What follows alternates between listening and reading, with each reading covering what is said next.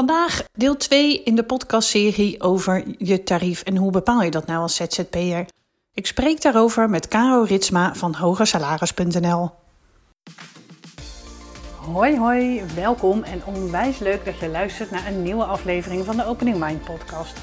De Train de Trainer podcast waarin ik werk deel, mijn fuck-ups, anekdotes uit de praktijk en heel veel praktische tips zodat jij vanuit jouw expertise de toptrainer kan zijn die met plezier en zelfvertrouwen fantastische training heeft. Waardoor je agenda vol loopt met trainingen en je deelnemers continu terugkomen voor meer van jou. Want hoe pas je al die leertheorieën nou toe? Of wanneer juist niet? Welke werkvorm zet je wanneer in? Hoe zet je deelnemers aan tot actie? En hoe verkoop ook jij je trainingen moeiteloos? Je hoort het hier. Veel plezier! Caro, fijn dat je er bent ik kwam jou tegen op LinkedIn en voordat ik daar wat over vertel, ben ik vooral erg benieuwd. Kun jij de luisteraars eens meenemen? Wie ben jij en waar kunnen mensen jou van kennen? Ja, Mirjam, uh, dank voor de uitnodiging om te beginnen. Ik uh, ben Caro Ritsma, ik ben eigenaar van hogesalaris.nl en ik help mensen met uh, onderhandeling over hun salaris of over hun tarief. Ik doe dat in één op één trajecten, maar ook in trainingen of workshops, masterclasses. En daarmee help ik mensen om het gesprek over hun salaris of tarief makkelijker te maken, maar ook om het leuker te maken. Oh, dat kan. Als je het eenmaal.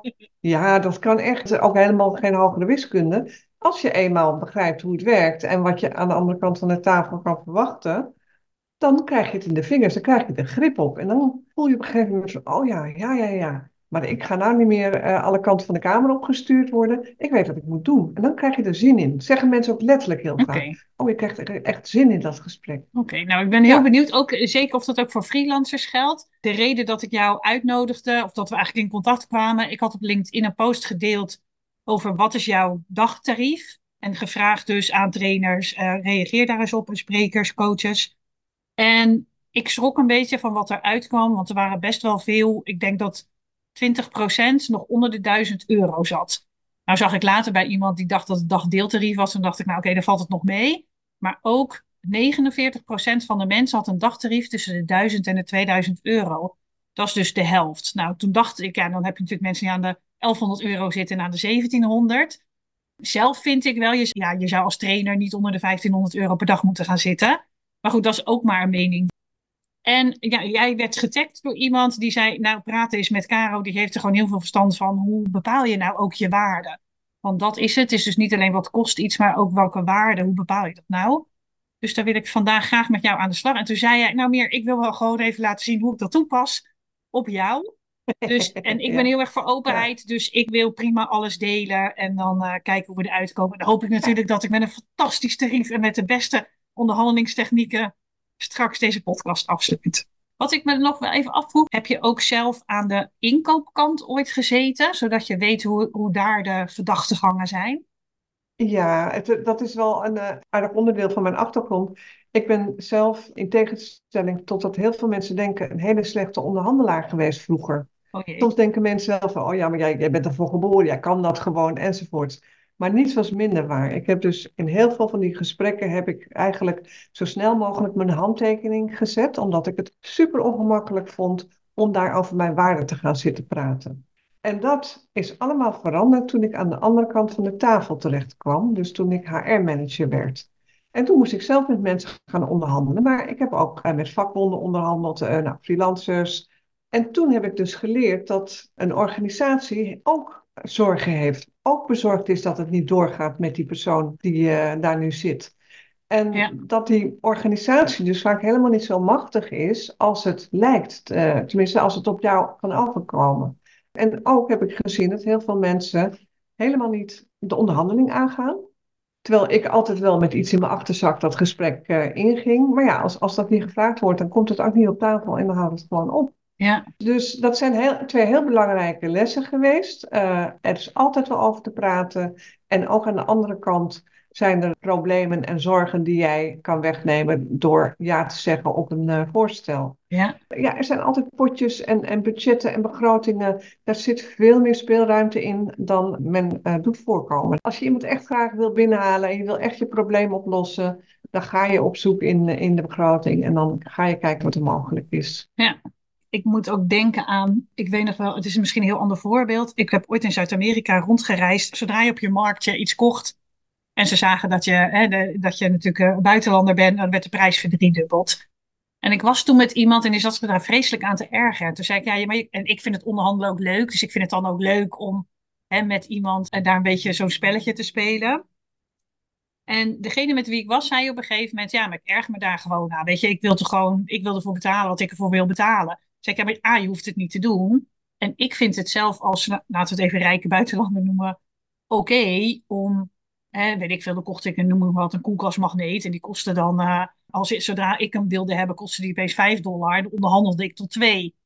En dan zei die vriend van mij, ja, maar weet je, de rest koopt hem voor één. Zeg ik, ja, maar voor mij gaat het er toch om hoeveel vind ik iets waard? Mhm. Ik laat me wel eens verleiden tot de discussie over mijn tarieven. Terwijl ik vrij duidelijk ben, ik onderhandel niet. Uh, maar goed, misschien dat ik uh, na deze podcast denk, nou dus wel. Maar wat ik ook wel interessant vond, is dat ik sprak ooit een business coach.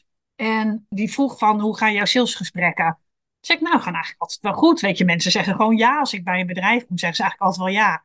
En toen zei hij, nou, dat is helemaal niet goed, want dat betekent dat je te goedkoop bent. Auw, dat deed echt even zeer. Dat ik zei, ja, of mensen zien mijn waarde, verdedigde ik me nog. Uh, maar dat dat dus niet zo werkt. Dus dit zijn wel twee dingen die in ieder geval bij mij meespelen. Hoe wil je dit aanpakken? Ja, je hebt mij een voorbeeld gestuurd. Daar zou ik wel mee aan de slag willen. En dat voorbeeld, dat ging eigenlijk om dat je een bepaalde prijs vraagt. En hoe weet je nou of dat een goede prijs is? Hè? Dat is natuurlijk ook de reden dat uh, als iemand uh, meteen ja zet op je offerte, ja. Dat je kan gaan nadenken van ja, is die offerte wel in orde? Want meestal kan je nog wel iets aangaan daarin. Het hoeft niet. Hè? Je kan ook heel strikt zijn en zeggen van nou, dit is gewoon mijn prijs. Ik ga er niet naar boven, ik ga niet naar onder. Zo kan je ook opstellen. Ja. Maar het belangrijkste is dat je eerst weet wat jouw marktwaarde is. Ja. nou, ik denk dat dat ook wel gelijk als freelancer best lastig mhm. is. Uh, uurtarieven zijn misschien nog wel te vinden, maar wat nou bijvoorbeeld een dagtarief of een dagdeeltarief is voor een trainer of een spreker. Mhm. Ja, ik heb wel eens gegoogeld, ook ter mhm. voorbereiding op deze podcast, maar ik kom daar niet echt achter. Dus van dat is ook wel de reden waarom ik het vroeg op LinkedIn. Ja. Van nou, wat, wat is nou gangbaar? Ja. ja, en ook wel dat ik dacht, oh, maar ik vind het helemaal niet zo heel hoog. en dan denk ik toch gelijk, oh, hè, vraag ik dan te veel geld? Terwijl ik ook nou, van overtuigd ben dat het niet zo is. Dat is een heel goed voorbeeld van hoe, hoe weinig vast je op dat moment hebt. Ja. wat je, de informatie die jij nodig hebt, is, is dat je weet van iemand die iets vergelijkbaars doet als jij. En hoe verhoud jij je tot het veld waar je in, uh, in beweegt? Dus er zijn allerlei uh, beginnende, zeer uh, gearriveerde trainde trainers. En waar sta jij in dat veld en welke prijs hoort daarbij? Nou is het zo dat je dat inderdaad helemaal niet zomaar op kan vissen van, van internet. Dus je zult daar echt meer moeite voor moeten doen om dat gaan vast te leggen. En dat kan door bijvoorbeeld vragen te stellen over een afgewezen offerte. Waarom is die afgewezen? Waar lag het aan? Met wie zijn ze wel in zee gegaan? Probeer daar uh, info uit te halen. Ga onder je vakgenoten uh, informatie halen.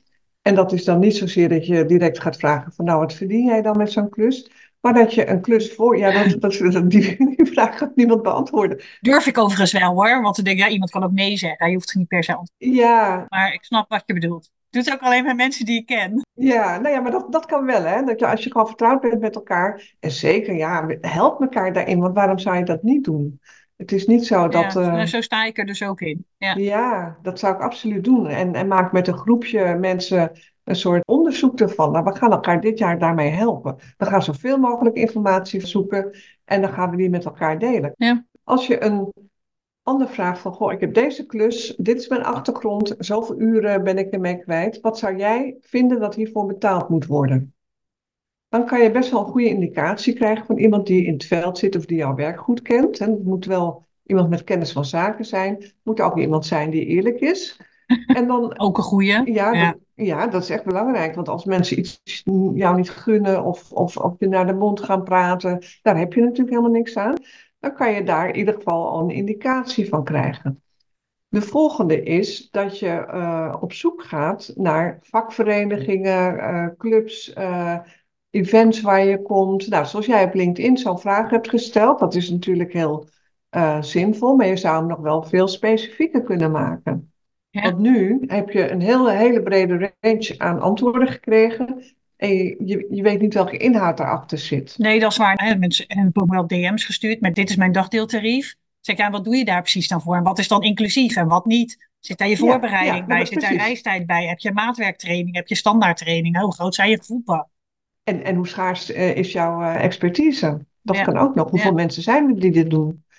En je kan dat best wel goed onderzoeken, maar je hebt er tijd voor nodig en je moet een inspanning plegen. En dan kom je echt wel op goede informatie uit. Dan weet je van, oh, dit is dus kennelijk marktconform voor mij. Dat neemt vaak al een deel van de spanning weg. Ja, dat is wel een goede tip. Ik ga een nieuwe LinkedIn-post maken en met heel specifiek.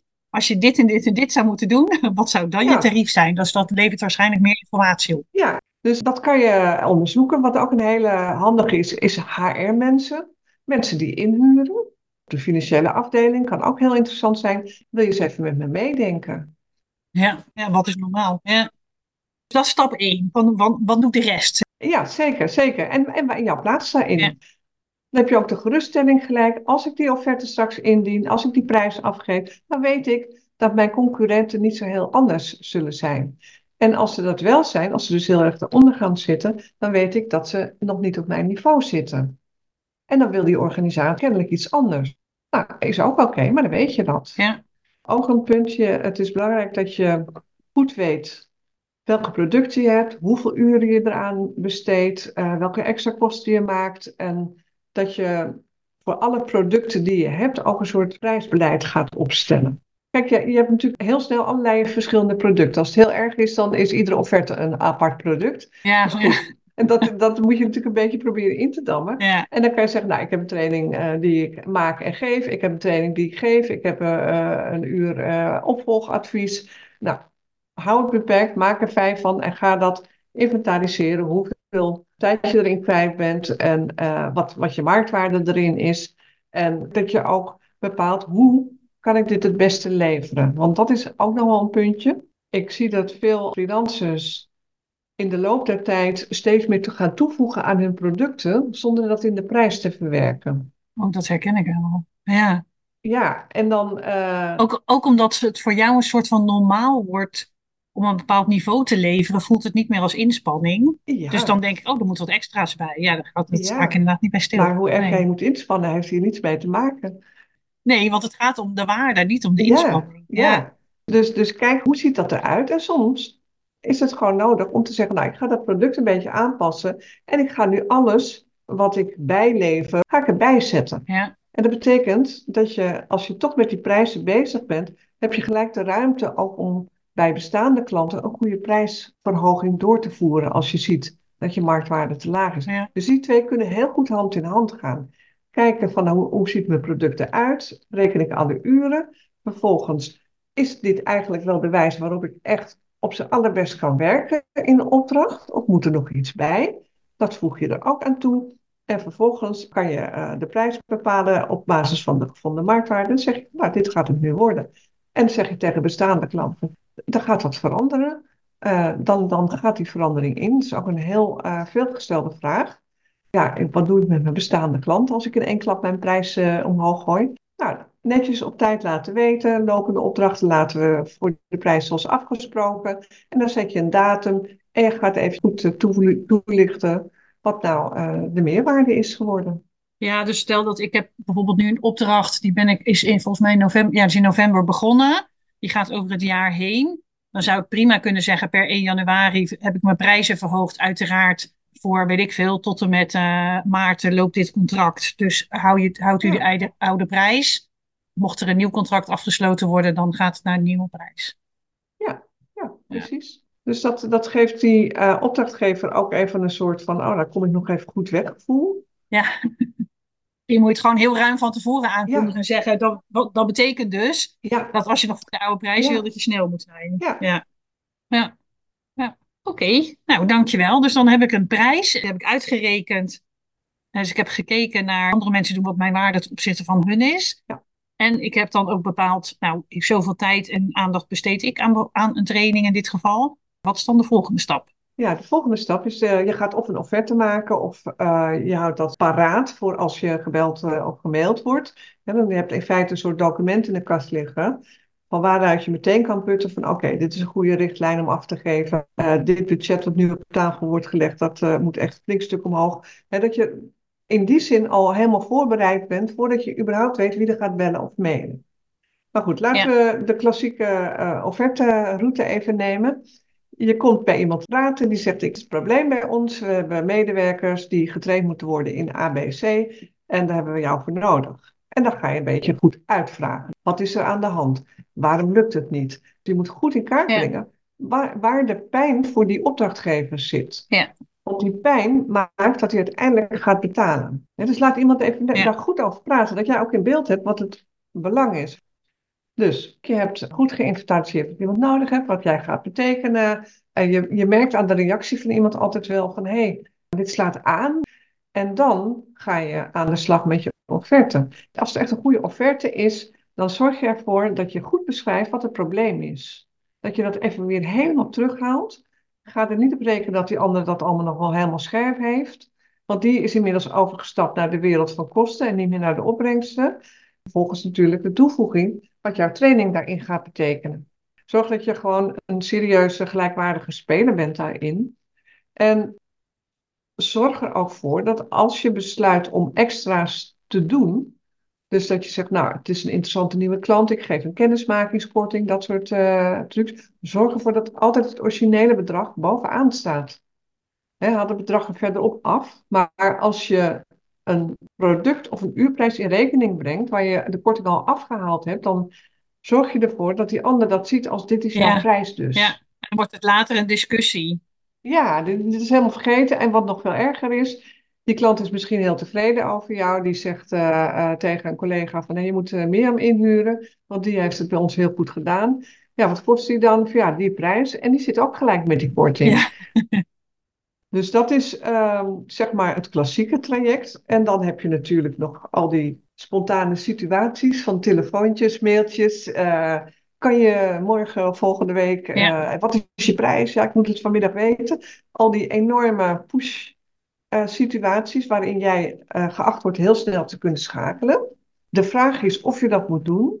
En als je het doet, zorg er dan voor dat je altijd even teruggaat naar je eigen verhaal. Dat je niet in de spur of the moment meegaat met die ander. Met je budgetten, begrotingen, ze staan allemaal in Excel-sheets.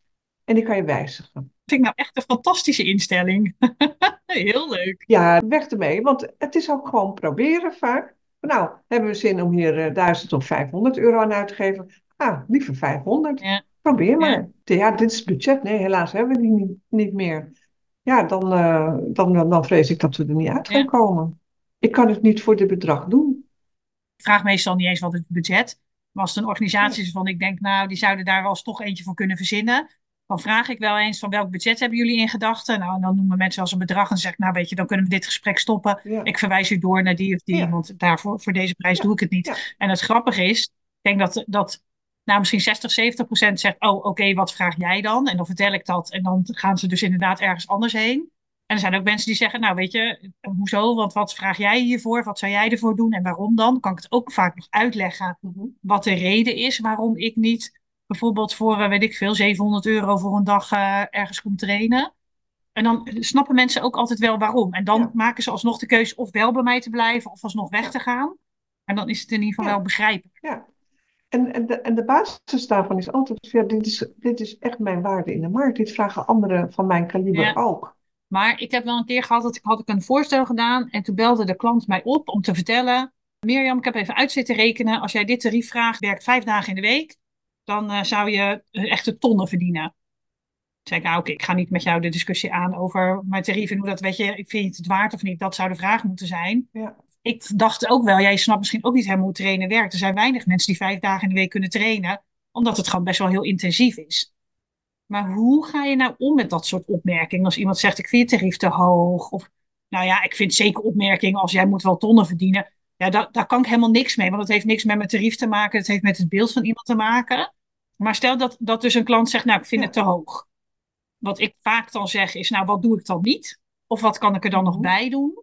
dus zo kan ik wel onderhandelen. Maar wat zijn nou jouw nou, uh, adviezen daarvoor? Om te beginnen eens vragen, wat, uh, wat maakt dat je dat vindt? Want waar baseert zo iemand dat op? Waarschijnlijk op zijn eigen salaris. Nou, dan was dit ook nog iemand die zelf ook niet weinig verdient. Ja, maar in ieder geval uh, dan ook niet vindt dat jij meer mag verdienen, klaarblijkelijk. En dan, dan kan je zeggen, nou, ik vind het prettig als ik daar even wat over vertel. Want ik, ik, ik, ik, ik hoor honderd misverstanden in je opmerking. Ja, als het de moeite waard is, hè. Want als iemand zegt van nee hoor, ik vind het gewoon te veel, ja, dan ben je klaar. Nou ja, dan niet. Ja. Ja, ik geloof ook wel dat het goed is als je erin zit. Wil niet normaal zeggen van nou, uh, uh, je hoeft het niet te kopen, maar toch is dat wel mijn instelling. Ja. Als iemand eh, denkt, vraag meer Jan, want ja. ik heb, heb, een bepaald niveau nodig. En dan zeg ik, nou dat kan en dit is de investering. En dan zeggen, ja dat is veel te veel geld. Ja, oké, maar je hoeft het niet te doen. Ja. Wat je heel goed kan doen op zo'n moment is een soort, soort slotpitch geven.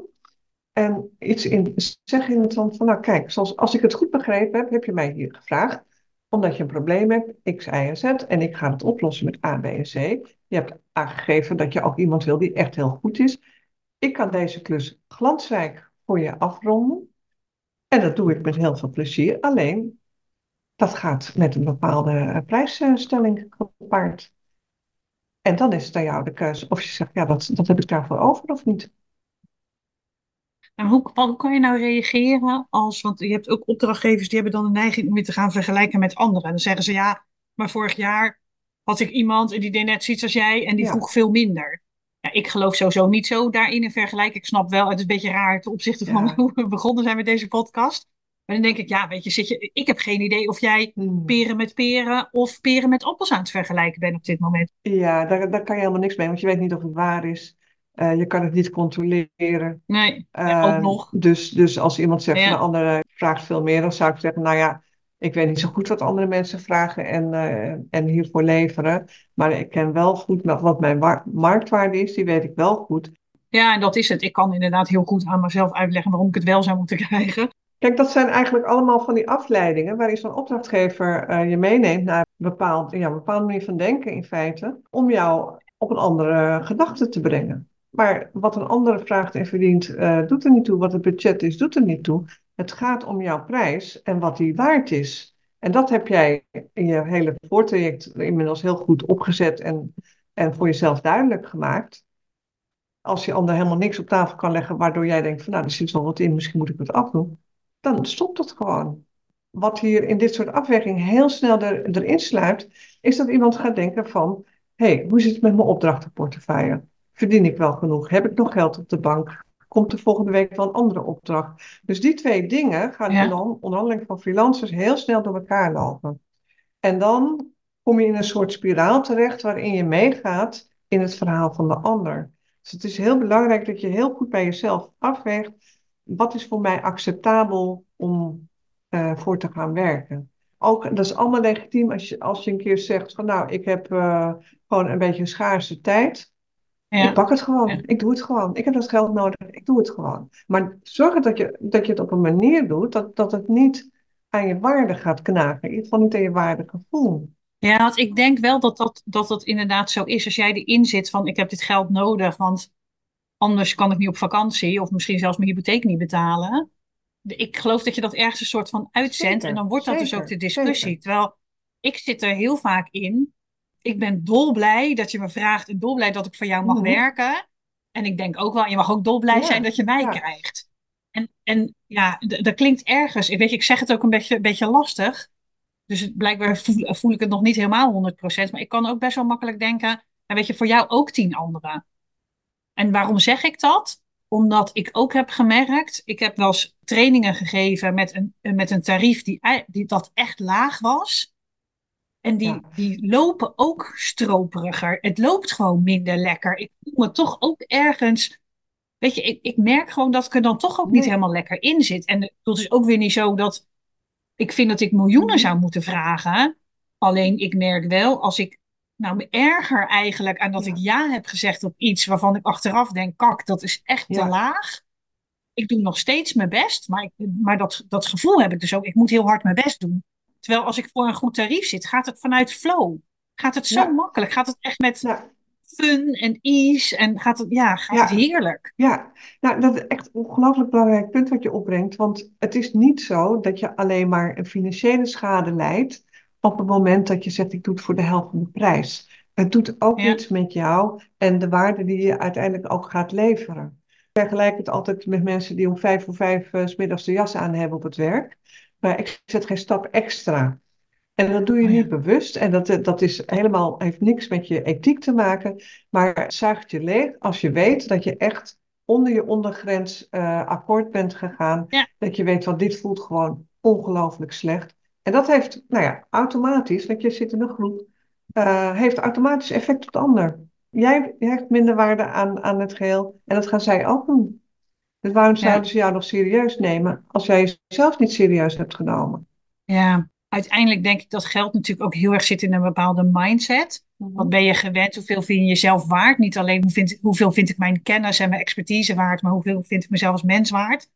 Omdat ik ook ergens wel geloof, mensen voelen het of zo. Dus wat ik merk in situaties dat ik me wat onzekerder voel, dan heb ik de neiging om heel veel te geven. Ga ik ook te veel gratis geven. En dat is, dat is dan ook altijd bij mensen die continu voor gratis terugkomen. Ja. Dat vind ik ook zo ontzettend lastig. Hè? Want ik ben van oorsprong coach. Ik heb heel veel gecoacht ook uh, naast het trainen. En daar is het heel normaal om gratis kennismakingsgesprekken mhm. aan te bieden. Ik heb dat ook een tijdje gedaan voor het trainen. En wat merkte ik? Dat mensen continu eigenlijk mijn expertise vroegen niet even wilde kennismaken. Nee, ze wilden mijn expertise. En op een gegeven moment dacht ik, ja, en dan, dan soms kwamen mensen gewoon twee keer. En vervolgens kochten ze nooit wat bij mij. Dat ik dacht, hé, hey, dus je vraagt elke keer wat van mijn tijd. Je wil een kopjes koffie met me drinken. En, en dan ook nog online. Dus uh, ik, krijg niet, ik krijg niet eens echte koffie. maar dat ik wel dacht, oh jeetje, ik, ik geef te veel weg. Dat voelt dan zo onprettig. Wat zou nou, ja, hoe denk jij daarover? Over dingen gratis weggeven? Kijk, je mag van mij alles gratis weggeven als je maar weet waarom je het doet en in welke situatie je dat doet. En dat is ook weer onderdeel van dat uh, ja, zogeheten prijsbeleid, wat, waarvan ik zeg, nou, dat zou echt ieder ondernemer, zeker iedere trainer met al die verschillende invalshoeken, uh, voor zichzelf moeten opstellen. Dat je gewoon weet van ja, dit ben ik bereid gratis te doen en dit niet. Je kan ook zeggen, ik wil, ik ben bereid om één keer per jaar volledig gratis iets voor iemand te doen als het uh, voldoet aan de categorie uh, maatschappelijke betrokkenheid, duurzaamheid, wat voor jou belangrijk is. Maar kader het af. En dan kan je zeggen tegen de ene klant die belt, uh, die zegt van ja, we zijn een duurzaamheidsinitiatief, kan je ons helpen? Dan kan je zeggen, nou dat is prima, ik, kan, ik heb zoveel beschikbaar. En als er dan de week daarna weer iemand belt en het is op, dan kan je zeggen, nou ja, dan heb ik maar een beperkt aantal uren voor beschikbaar. maar probeer het volgend jaar nog eens. Ik heb nog twee eh, vragen en één hele praktische vraag. Ik heb nog wel eens te maken met organisaties, met name in de zorg of bijvoorbeeld kinderopvang. En die doen niet aan BTW. Tenminste, dat, hoef, dat kunnen zij dan niet verrekenen. En dan wordt er tegen mij gezegd, ja, maar kan geen BTW verrekenen. En dan denk ik, ja, maar dat is niet mijn probleem. Want als ik naar de Albert Heijn ga, kan ik ook niet zeggen, ja, ik wil geen BTW betalen. Dus ik vind dat namelijk het probleem eigenlijk van de opdrachtgever. Hoe kan ik daar nou mee omgaan? Ja, ja, je hebt het ons al gegeven. Het is, uh, Jij bent de baas, jij bepaalt hoe het werkt. En jij bedenkt die BTW ook niet zelf. En je kan ook heel simpel zeggen, ja, helaas moet ik die wel in rekening brengen. Ja, precies, want dat moet ik ook. Ik bedoel, ik ben wettelijk verplicht om het te doen, ja. Ja, precies. Dus ik, ik moet dat in rekening brengen. Ja. Nou, wat ik wel doe in de offerte, dat ik de offerte reken inclusief BTW. Dan zeg ik gewoon, dit is wat het kost. Ja. Dus stel dat het is 1000 euro voor een dag training en inclusief BTW zou het 100, 1200 euro zijn. Dan zeg ik gewoon, eh, deze training kost 1200 euro. En dan heb ik het gewoon helemaal niet over BTW. En dan stuur ik de factuur en dan zie je het wel. Dat is een prima oplossing. Dit is gewoon mijn prijs. Kijk, de essentie is altijd, jij bent de baas. En jij bepaalt hoe het gaat. En uh, ja, deze partij heeft altijd ook met allerlei andere mensen en, en partijen te maken die BTW moeten rekenen. Dus het is, het is uh, onzin. Ja. Oké, okay, top, dankjewel. Waar kunnen ze meer informatie over jou vinden? Ja, je kan even naar mijn site gaan. Dat is hogersalaris.nl. Daar staat uh, het een en ander over tarief onderhandelen. Ik werk met een tien weken programma waarin ik je helemaal meeneem in het verhaal over een hoger tarief, over juiste prijzen, over situaties die zich voor kunnen doen, dilemma's, de pijnpunten. Uh, eigenlijk alles wat we dit uur hebben besproken komt daarin terug, zodat je na afloop ook met een heel goed onderbouwd verhaal verder gaat met je prijs. Ja, als je denkt dat is iets voor mij, ik heb het gevoel dat mijn prijzen op een plateau zitten of een beetje stagneren of ik zit aan te hikken tegen een verhoging. Dan kan je met mij even een kort gesprek aanvragen. Kijken we rustig naar je situatie en dan kunnen we eventueel samen aan de slag. Nou, mooi, dankjewel. Ook super bedankt voor alle informatie die je nu hebt gegeven. Ik heb uh, mijn huiswerk voor mezelf opgeschreven. Dus helemaal leuk, dankjewel. Heel graag gedaan. Ik hoor graag je resultaten. Het is altijd leuk om te kijken wat dit in beweging zet. Ja, ja nou, daar ga ik wel. Ik ga ervan uit dat dit al wel, in ieder geval bij mij, gaat het al wel wat in beweging zetten. Dus uh, super tof. Dankjewel in ieder geval. Fijn. Dankjewel voor het luisteren. Ik hoop dat je hier heel veel inspiratie op hebt gedaan over hoe je je tarief bepaalt en hoe je kan onderhandelen met een opdrachtgever. Ik ben uiteraard vooral benieuwd in het kader van mijn onderzoek. Wat is jouw tarief? Dus als je mij zou willen, een appje zou willen sturen of een DM via LinkedIn, Mirjam Heek, zou ik dat echt super waarderen. Uiteraard gaat het verder anoniem. En ik denk wel dat het tof is dat ik eens een keer kan delen. Hey, wat is er nou precies uitgekomen? Nou, mocht je ook nou in de ruil voor al deze gratis content het leuk vinden om mij een beoordeling te geven, het liefst natuurlijk 5 sterren, kan dat op Spotify. Daar ben ik je natuurlijk uiteraard erg dankbaar voor. Fijne dag!